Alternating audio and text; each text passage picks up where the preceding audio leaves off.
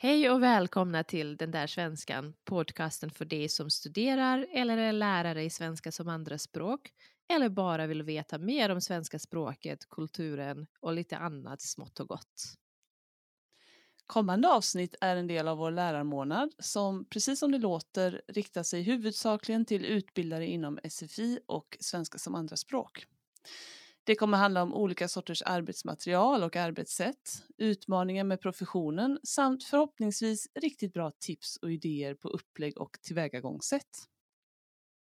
Och denna lär lärarmånad görs i samarbete med förlaget Natur och kultur som är en oberoende stiftelse med målet att genom stöd, inspiration, utbildning och bildning verka för tolerans, humanism och demokrati.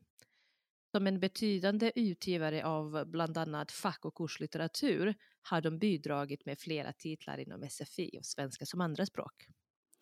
Vill ni veta mer om vad Natur och kultur gör och ger ut så hittar ni mer information på deras hemsida www.nok.se sfi. Och vill ni ta kontakt med oss på den där svenskan så gör ni det på Facebook, Instagram eller vår mejladress den där svenskan gmail.com. Och hitta våra avsnitt, det gör ni på Podbean, Spotify, Podcaster och där poddar finns. Hej, hej, hemskt mycket hej. Hej, hej, hemskt mycket hej.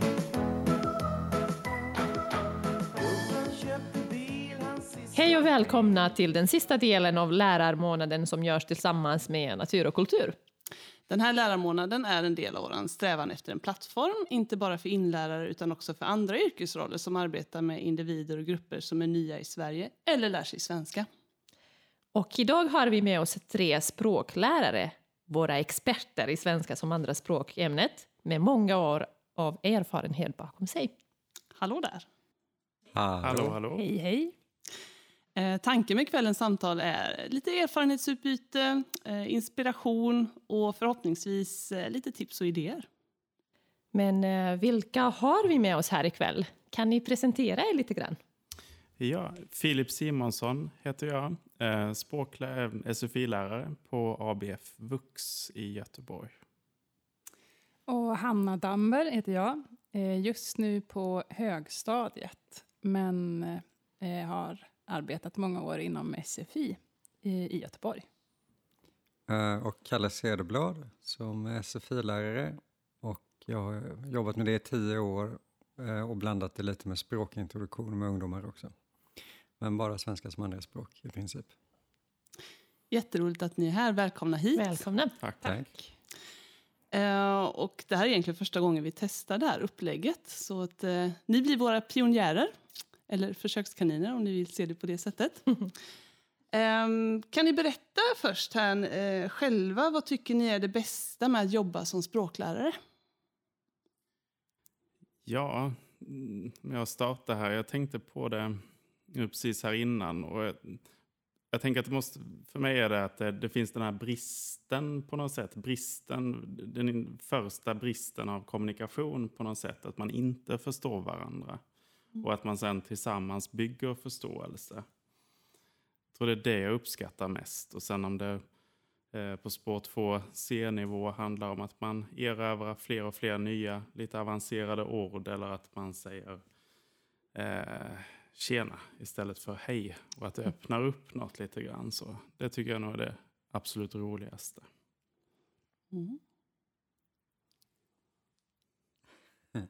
Ehm, alltså, det bästa tycker jag definitivt är alla sköna människor jag träffar. Så jag skulle inte säga att det har med språket att göra egentligen. Utan jag får träffa så mycket roliga människor som jag inte skulle haft en chans att träffa annars. Från olika delar av världen och också från helt andra situationer än, än ens människor, liksom svenska människor jag träffar så att säga. Eftersom jag jobbar med spår 1 så blir det ju mycket så här, folk från enklare omständigheter och arbetarklassbakgrund och så vidare. Så det är inte bara du lär ut, utan du lär dig också massor. Mm, Massvis. Det är en stor del av SFI-läraryrket tycker jag också. Mhm. Verkligen. Ja, jag måste nog hålla med. Jag tycker också att en av de stora behållningarna är att träffa massa olika människor från olika delar av världen och bli väldigt... Ja, men jag har kommit på mig själv med att bli väldigt överraskad kring mina egna för min ehm, vad jag tror, hur jag tror att någon ska vara eller bete sig. Eller, Mhm. eh, och det är väldigt roligt. Men och ur ett rent lärarperspektiv så är det roligt att jobba med ett enda ämne och att ens kollegor jobbar med samma. Så man Mm. har otroligt mycket utbyte och ja, men, diskussioner kring det rent pedagogiska på ett sätt som inte riktigt, tycker jag, går att få eh, när man är på en skola där alla har just sin nisch och jobbar med sina grejer inom sitt skrå. Liksom. Mm. Om jag ska lägga till där som just mera lärardelen av det eftersom jag har jobbat så mycket på spår 1 då och med folk som inte kan läsa och skriva eller har väldigt lite skolerfarenhet. Just det här att inte ha tillgång till någon, går ju i princip inte att förklara någonting. Det tycker jag har varit väldigt pedagogiskt spännande. Att man på något sätt behöver hitta andra vägar för att mera visa vad det är man ska lära sig. Mm. Man kan inte förutsätta att någon vet vad ett verb är eller Mm. ens vad en mening är eller Nej. någonting sådär. Och det, det är väldigt spännande tycker jag, att hålla på och brottas med det där. Precis, vad, vad blir man själv för en person när man försöker förklara någonting för någon annan? Jag, man slår sig så knut på sig själv lite grann. Verkligen. Ja. Mm. Och om vi vågar fråga, vad är det sämsta med eh, att jobba som språklärare? Ja, vi tar någon slags cirkel här så startar jag igen. Så jag tänker det sämsta är att jag känner inte riktigt att eh, alla andra tycker att SFI är lika viktigt som, som jag tycker att det är. Eh, tänker på resurser som skjuts till och liksom hur, hur skolformen behandlas ibland kan jag tycka är det sämsta. Eh, för sen jag, jag, jag kan svälja det för alla de där sköna människorna och allt det jag tycker om. Men, men det är lite skillnad där på, jag har jobbat i grundskolan tidigare och den är så självklar, en så självklar agenda för alla liksom. Medan SFI ibland behandlas styvmoderligt och vid sidan om. Under covid här så var det väl aldrig vi fick höra hur det skulle gå till i SFI eh, med olika restriktioner och sådär i offentligheten. Liksom. Du åkte med med bara då på ett bananskal lite grann.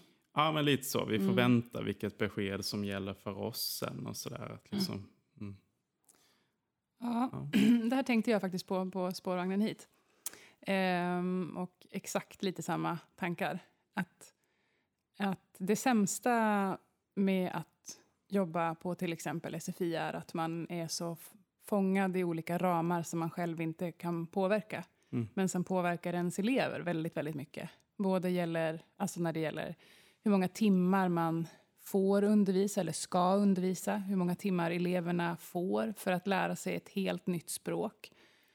Och att deras olika ja, men förförståelse och eh, eh, möjligheter till att lära sig eh, ja, men det tas ganska lite hänsyn till. Man delar upp dem i olika spår, men, men det andra och deras situation i Sverige kan se helt olika ut. Eh, och att jag som tjänsteman är ganska tvingad till att utföra mitt arbete utifrån vissa givna ramar, men det, eh, det skapar väldiga problem eh, i utövandet, upplevde jag väldigt mycket. Ja, jag kan typ hålla med egentligen. Mm. SFI som det är strukturerat också innebär ju ganska mycket alltså, vad ska man säga, oordning eller eh, det kommer nya elever och så vidare hela tiden. Eh, och att eh, om man speciellt tänker jag med min målgrupp då som inte har så mycket resurser att liksom klara sig kanske med engelska eller med andra typer av förförståelse så blir det också svårt att skapa en trygghet tycker jag. Det hade varit skönt om man lite mer kunde liksom, ja men på något sätt att det fanns en tydlig struktur, till exempel att en grupp började samtidigt och gick igenom en process tillsammans skulle skapa en trygghet. Men nu är det som att både inom SFI och dessutom allt annat utanför med socialtjänst och arbetsförmedling och alla andra saker som sliter och drar åt olika håll så blir situationen rörig och svårförståelig och därför också otrygg.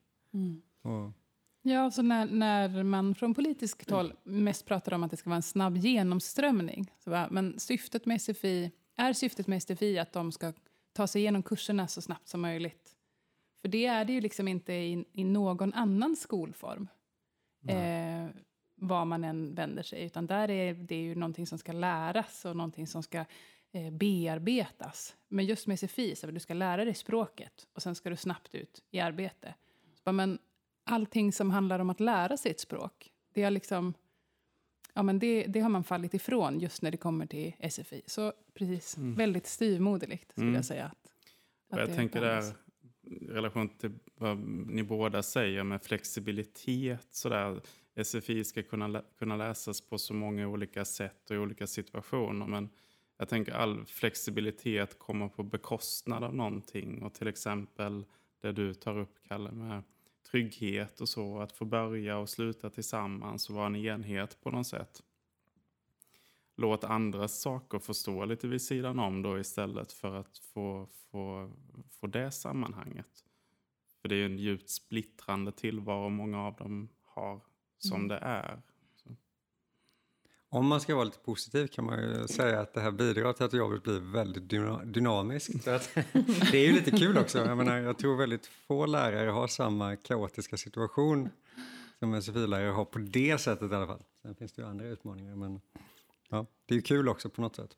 Mm. Ja. Och det är lite synd för det är nyckeln till integration också, som många pratar om. Men hur, får jag ställa en liten följdfråga bara här? Ni pratar om trygghet och sådär. Hur gör ni själva för att åtminstone i klassrummet eller med gruppen skapa trygghet? Har ni något tips där? Eller hur brukar ni jobba med den frågan? För det tycker jag själv är ganska viktigt. Och just för att ni, ni förklarade på det sättet att det är så otryggt för de här deltagarna och det är rörigt och kaotiskt. Hur brukar ni försöka ankra dem? Ja, men, ja, men att... Åh, det är en svår fråga. Ehm, men, se, försöka se eleverna lite grann hela tiden. Ehm, att... oh, jag behöver nog lite betänketid, tror jag. där. Mm, Att det, formulera det mig. förstår jag. Det var en spontan följdfråga. Ja, blev det här. en bra fråga, men lite svår att Ja. konkretisera. Men jag tänker när jag, liksom första mötet med mina elever då, och jag har ju A-kurs och B-kurs då oftast nybörjare eller ganska nya. Så att, och jag har inte så mycket modersmål och så heller, så att då blir det nästan bara det här att på något sätt vara närvarande med människan, att titta och ja, för, på något sätt försöka liksom vara välkomnande i kroppsspråk och närvaro och liksom säga hej du är välkommen här fast jag inte kan förklara någonting av vad det här går ut på eller vad som ska hända just nu. Det är lite olika men eh, ganska ofta är det så. Och sen tänker jag, liksom nästa steg då i gruppen och så vidare, så tycker jag det skapar trygghet att lyfta upp deras små fragment av berättelser, att eh, liksom visa på alla styrkor på något sätt. Det kan vara en så liten grej, men, men de samtidigt förstår alla att vi är nybörjare här så att liksom, gruppen kan så att säga fira ett väldigt litet framsteg. De flesta är förmögna att se att ett litet framsteg är. Så att dels att liksom på något sätt hela tiden lyfta fram det folk lyckas med när de lyckas med det på ett ärligt sätt. Och sen också att eh, även om någon bara kan berätta jätte, jättelite liksom, så kan man ändå lyfta fram att ja, men den här människan har jobbat med detta eller hon har gjort det här eller hon var med om det här. Liksom att på något sätt hjälpa till att göra folk liksom levande för varandra. Att det inte bara är elever utan att det finns en massa livsberättelser i gruppen. Så. Kanske var lite det du var ute efter, Anna, att se Ja. människan. Precis, det var det. Men också att, att försöka skapa lite ordning i det kaoset som ändå kan vara. Mm, Att så här, det här är de ramarna vi har. Vi har lektioner mellan de här och de här tiderna. Vi, har, eh, vi går igenom det här och det här. Så, eh, och att försöka med möj, alla möjliga medel att så här, det kommer vara rörigt från början. Men ge det tid. Du kommer lära dig lite grann mer för varje lektion. Och det i sin tur kommer att göra att det känns lättare att, att fortsätta studera. Mm. Men att erbjuda en stabilitet till gruppen. Att se dem på olika sätt. Och att eh, ja, men fira deras framsteg. Verkligen. Mm. Ja, jag, tänk, ja, jag håller verkligen med er och, och om att gå in lite som någon slags ställföreträdande, självförtroende och, och lite sådana saker som man, och vara trygg i det. Eh, för, för det är ganska det är att ta i kanske lite utsatt position och lära sig ett nytt språk. Man får, Mm. man, man får bjuda lite mer på sig själv än vad man kanske önskar i alla situationer. Så, och avdramatisera det. Och um, ja, men, jag vet inte, fira misslyckandet på något sätt. Eller Mm. att det, det är en del av det liksom. Och, ja, med humor och värme på något sätt. Mm. Ja, man har ju själv en hel del kaos att bjuda på. Mm. Ehm, ja, men eh, vad är ni mest stolta över när det gäller ert yrke som SFI-lärare då? Eller svensklärare? Ehm, ja, jag försökte liksom, jag tycker det är så svår fråga det där, men, men jag tror ändå att det är någonting i att eftersom många av mina elever när de kommer så är de liksom både socialt rädda i den nya situationen och ofta med någon slags känsla av att de inte kan lära sig så mycket. Jag kan ofta känna när det går bra, så att säga, under en sex månaders period till en ettårsperiod kanske så, här, så börjar en person öppna upp och sträcka lite på sig och plötsligt ställa frågor och berätta om sig själv och hälsa en ny elev välkommen. Och det känns som att från att vara liksom väldigt så här stängd så är, har personen börjat komma dit så att säga och, och vara närvarande som sig själv. Det tycker jag är väldigt fint att se. Så då, när jag lyckas med det, eller vi lyckas med det, Mm. blir jag stolt. Mm.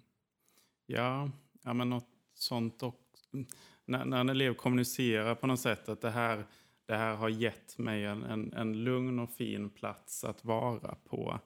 Ehm, jag tänker på en specifikt för några veckor sedan som har av olika anledningar har det, har det svårt. Och hennes, eh, hon studerar sex timmar i veckan och, och de, de stunderna så är det, det är hennes egen tid på något sätt. Liksom. Och sen så har det gått bra också. Så, både när, när de bekräftar situationen som jag försöker skapa och sen faktiskt lär sig också. Så är det väl som finast. Liksom. Mm, mm. jag tror att de ögon... Det är liksom svårt att mäta sin egen framgång i klassrummet på Mm. något sätt. Men jag tror att de gånger när jag tycker att jag har lyckats skapa så pass mycket engagemang och tillit i mina klasser att jag kan ha riktigt, riktigt dåliga lektioner och de ändå orkar. De ser igenom att det är kaosigt under tre timmar eller oförberett eller kaffefläckiga prov eller eh, någon som ringer och man måste gå från lektionen för att barn ska hämtas. Och de ändå kommer och de ändå jobbar. Och att jag förstår att okej, men då har de... Jag är inte bara någon slags lärare som sitter på andra sidan en kateder. Utan jag är lika mycket människa och de har sett att vi är i det här liksom tillsammans. Mm. Då, då känner jag mig ganska stolt faktiskt. För det är ju ändå det som jag på något sätt... Jag är här och jag, jag ska hjälpa er att, att eh, komma till en viss nivå i språket. Men, men jag är lika mycket människa som ni är och vice versa. Liksom. Mm. Man gör en viss skillnad i sitt yrke då kan jag utläsa från era svar här. Det är Mm. någonting man ska verkligen vara stolt över. Förhoppningsvis Mm. gör vi det. Ja, men finns det kanske någon bra lektion eh, som du tycker var riktigt, riktigt bra, som du kommer ihåg? Ja. Ställer vi det på sin spets här. Eller någon stund i din undervisning kanske, som du är lite extra stolt över? Så, mm, jag tänker på ibland är det bäst att bara inte göra någonting alls på något sätt. Eller jag kom på någon, en sån övning där, ehm, ja, men där jag inte känner att jag... Okej, övningen är att de ska förklara ett ord med andra ord. Superenkelt så, principen på något sätt. Men att de, eh, de sitter hej vilt och kommunicerar och skrattar ofta. Det blir ofta komiskt så. Och jag behöver inte, jag, jag kan bara sätta mig och, och lyssna på något sätt. Njuta av att det kommer massa språkproduktion och så. Som måste vara kreativ då också för att de, de, de, de får inte säga det där ordet. Det, det brukar bli väldigt bra och det är superduper enkelt så. Både att presentera övningen på något sätt. Och, men då... För det, det, det kommer ju inifrån. Jag tänker det, vi kan göra många saker för våra elever. Men de måste också förstå att det är otroligt mycket som måste hända inne i dem. Liksom. Det är de som ska lära sig ett språk och så vidare. Och den övningen tycker jag ställer det lite på sin spets. Liksom. Att nu, nu, nu, nu är du själv med dina verktyg och så ser vi vad som händer. Ja, jag mm, jobbade, slet ganska mycket med olika bisatser på olika sätt. Men sen så lyckades jag som bena ut det som i form av pusselbitar. Och så vet jag att jag hade någon lektion där vi på något sätt ja, men byggde ihop det här nu. Från väldigt stora pusselbitar till, till liksom mindre och mindre och mindre och mer avancerade kedjor. Och då hade jag ändå ja, men 37 elever som satt och var så engagerade och tyckte att det var så intressant och framförallt så lättförståeligt. Att de fattade grejen med att sätta ihop de olika bitarna och att det blev helt korrekta, fulländade meningar. Och att eh, när de, de stunder som jag haft den typen av lektioner och det fungerat på samma sätt så har det känts jättekul. Också för mig själv, för att ha kommit på ett pedagogiskt knep som, som funkar. Liksom. Det låter väldigt bra med pusselbitar. Ja, men just grammatik kan vara ganska ja, men torrt och lite svår, alltså lite motstånds, motståndigt. Liksom. Ja. Men, men just att göra det på det sättet kändes väldigt lekfullt Mm. Och därmed också mycket lättare. Ja, många forskare säger att man lär sig bäst när man tycker det är roligt. Det, Ja. det är ett bra tips. Tycker jag. Ehm, Jag kan liksom inte plocka någon lektion så, men jag tycker det är väldigt roligt när vi jobbar med uttal på olika sätt. Och det gör vi egentligen alltid, men säg att vi kanske jobbar lite intensivare med någon uttalskör på någon speciell fras eller mening och så här. Och plötsligt, liksom, kanske nästan hela gruppen säger en mening perfekt med så bra reduktioner och rätt procedur och sådär, fast de egentligen inte kan så mycket. Det tycker jag är väldigt coolt. Så här. Jag brukar alltid säga, eller Ja, jo, jag brukar säga att det, det är egentligen lätt att liksom lära sig så här bra uttal och egentligen är det lätt att lära sig svenska. Och I den meningen är det att om man tränar något väldigt länge så kan i stort sett alla som inte har något speciellt problem lära sig att säga ord och meningar på ett bra sätt. Sådär. Och när det till och med stannar kvar till dagen efter eller så här, någon enstaka gång, då är det riktigt coolt. när någon sådär som A-kurselev plötsligt läser en mening med bra reduktioner, då blir man så här, Oj, wow, oj, oj. Det, här, det här funkar ju faktiskt. Klappa sig själv lite på Ja. axeln. Ja, verkligen. Mm. Inte bara den sekunden när man precis har sagt det, utan Nej, nej, flera precis. timmar senare. Ja. Det är inte alltid det är så dock, men I idealfallet. i det här fallet. Ja. Ja.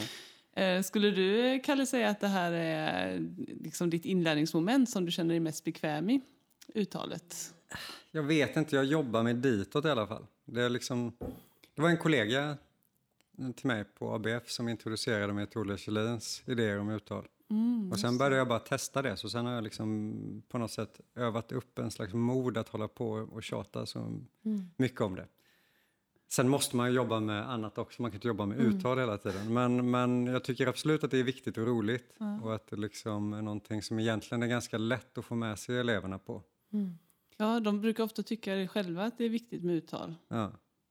Och Olle säger att man eh, ska jobba med det från första början. Ja, precis. Vad är principen, eh, Olle Kjellins uttalsprincip? Alltså, menar du? Ja, du jobbar liksom som han Jaha, förespråkar. nej, ja, det, det är liksom eh, så här att det viktigaste är prosodi, alltså långa och korta ljud, inte vokaler som alla tror. Just att man inte ska hålla på och läsa, säger han ju också. Att, eh, så att, säga, att läsa text förstör Mm. uttalet. Ehm, och sen är det att jobba med vokaler och reduktioner då. Mm. Och att, eh, och att repetera extremt mycket. Mm. Jag vågar inte repetera så mycket som han säger att man ska repetera i klassrummet för att det är verkligen sjukt mycket om man nu ska följa hans rekommendationer. Men, Du tror att de kommer tappa intresset om du repeterar? ja, men om man kör, en- alltså, jag kanske kör en fras hundra gånger men vi borde göra det tusen gånger. eh, och, och då liksom skulle det vara skönt att kunna förklara varför man ska göra det. Ja, just det. Olle säger det. ja, precis, vem är Olle liksom? Nej, men ja, Simon Says. ja precis. Ja, men jag tycker nog också att uttal är väldigt eh, viktigt. Jag tänker att man också på något sätt eh, tjänar en del på det. att man, att man liksom passerar lättare med ett gott uttal och det i sin tur kan generera liksom ett, en, en, ett självförtroende kring språket som gör att det är lättare att plocka upp andra saker. Och att... Ja, men jag tänker också att kanske i Sverige att man är ganska men känslig mot uttalsvariation. Mm. Trots att vi har jättemånga olika ja, men dialekter så, så finns det liksom en väldigt så här, eh, hård attityd mot, eller till mot en brytning.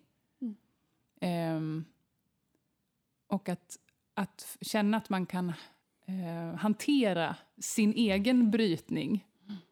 Mm. att man själv har kontroll över det, vad, hur man pratar tror jag ger en extra ja, men en känsla av att, att eh, man vågar utvecklas i språket på andra sätt. Jag tänker att det ger en skjuts i rätt riktning. Mm.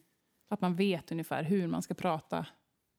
Sen så är det liksom, kan inte... Alltså språkundervisning, tyvärr, eller kanske bra, att det inte bara fokus på att du ska prata en så ren eh, standard svenska. Men just att man har att man vet, att man hör uttal och att man klarar av att liksom härma vissa melodier på ett sätt som gör att man eh, att det är lättare att göra sig förstådd helt enkelt. Mm. Som man skiljer mellan fil, äh, ful och full. Typ. Ja, men och framförallt i, liksom, i, ja, men i prosedi. Liksom. Mm. Mm. Sen tycker jag om man jobbar med det på, ja, men på satsnivå, satsbetoning och sådär. Mm. Så att det, man jobbar med, jobbar med samma korta textstycke. Både var, och då är det text emot Olle då mm. kanske. Men, men, men titta på grammatiken i den också. Och sen så laborera med eh, betoning på olika satsdelar då. Um, för att ge dem också liksom en, en, en melodi där och ett öra. Jag tänker det och då förstår de, tycker jag, poängen med satsschemat i det här fallet mm. då bättre. Och att de här liksom betydelsebärande enheterna, att man alltid håller på med det i talet också. Springer och stannar upp så att säga. Mm. Ja, just det.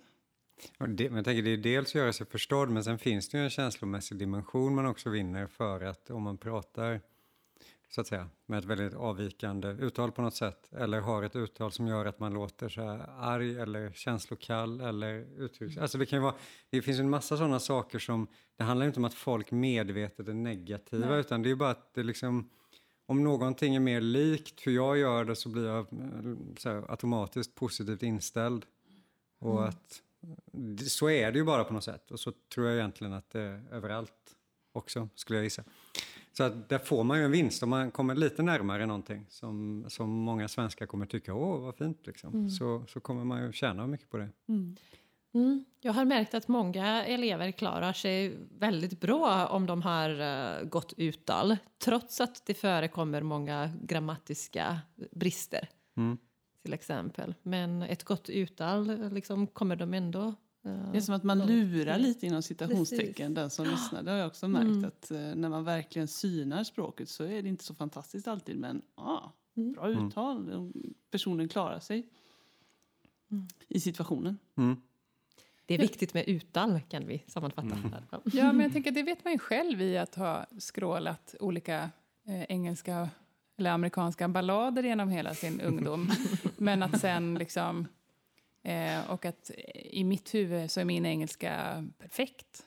Men sen när den kommer ut så är den inte lika perfekt. Mm. Och att det i sin tur begränsar mig i hur mycket mm. jag vågar uttrycka mig eller säga. Jag menar, det är ju ingen skillnad i, alltså, mellan mig och engelskan i det fallet och en SFI-elev i Sverige. Nej, verkligen mm. inte. Man hör ju själv väldigt tydligt, ofta då, ja. vad som inte funkar att säga och vad som funkar. Mm. Och när jag i andra språk har lyckats eh, hitta några riktigt bra, så här, det här, här hör jag att jag låter helt klockren.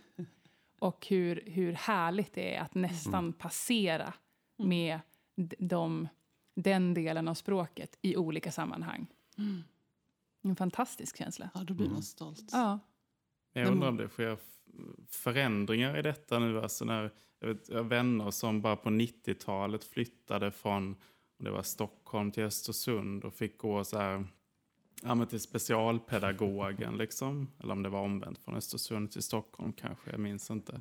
Men, men att den här, liksom, som du var inne på Hanna, dialekt, alltså att dialekterna var, var fula för inte så länge sedan. Och sen det Sverige vi lever i idag har ju förändrats ganska mycket bara på 15 år, 10 år.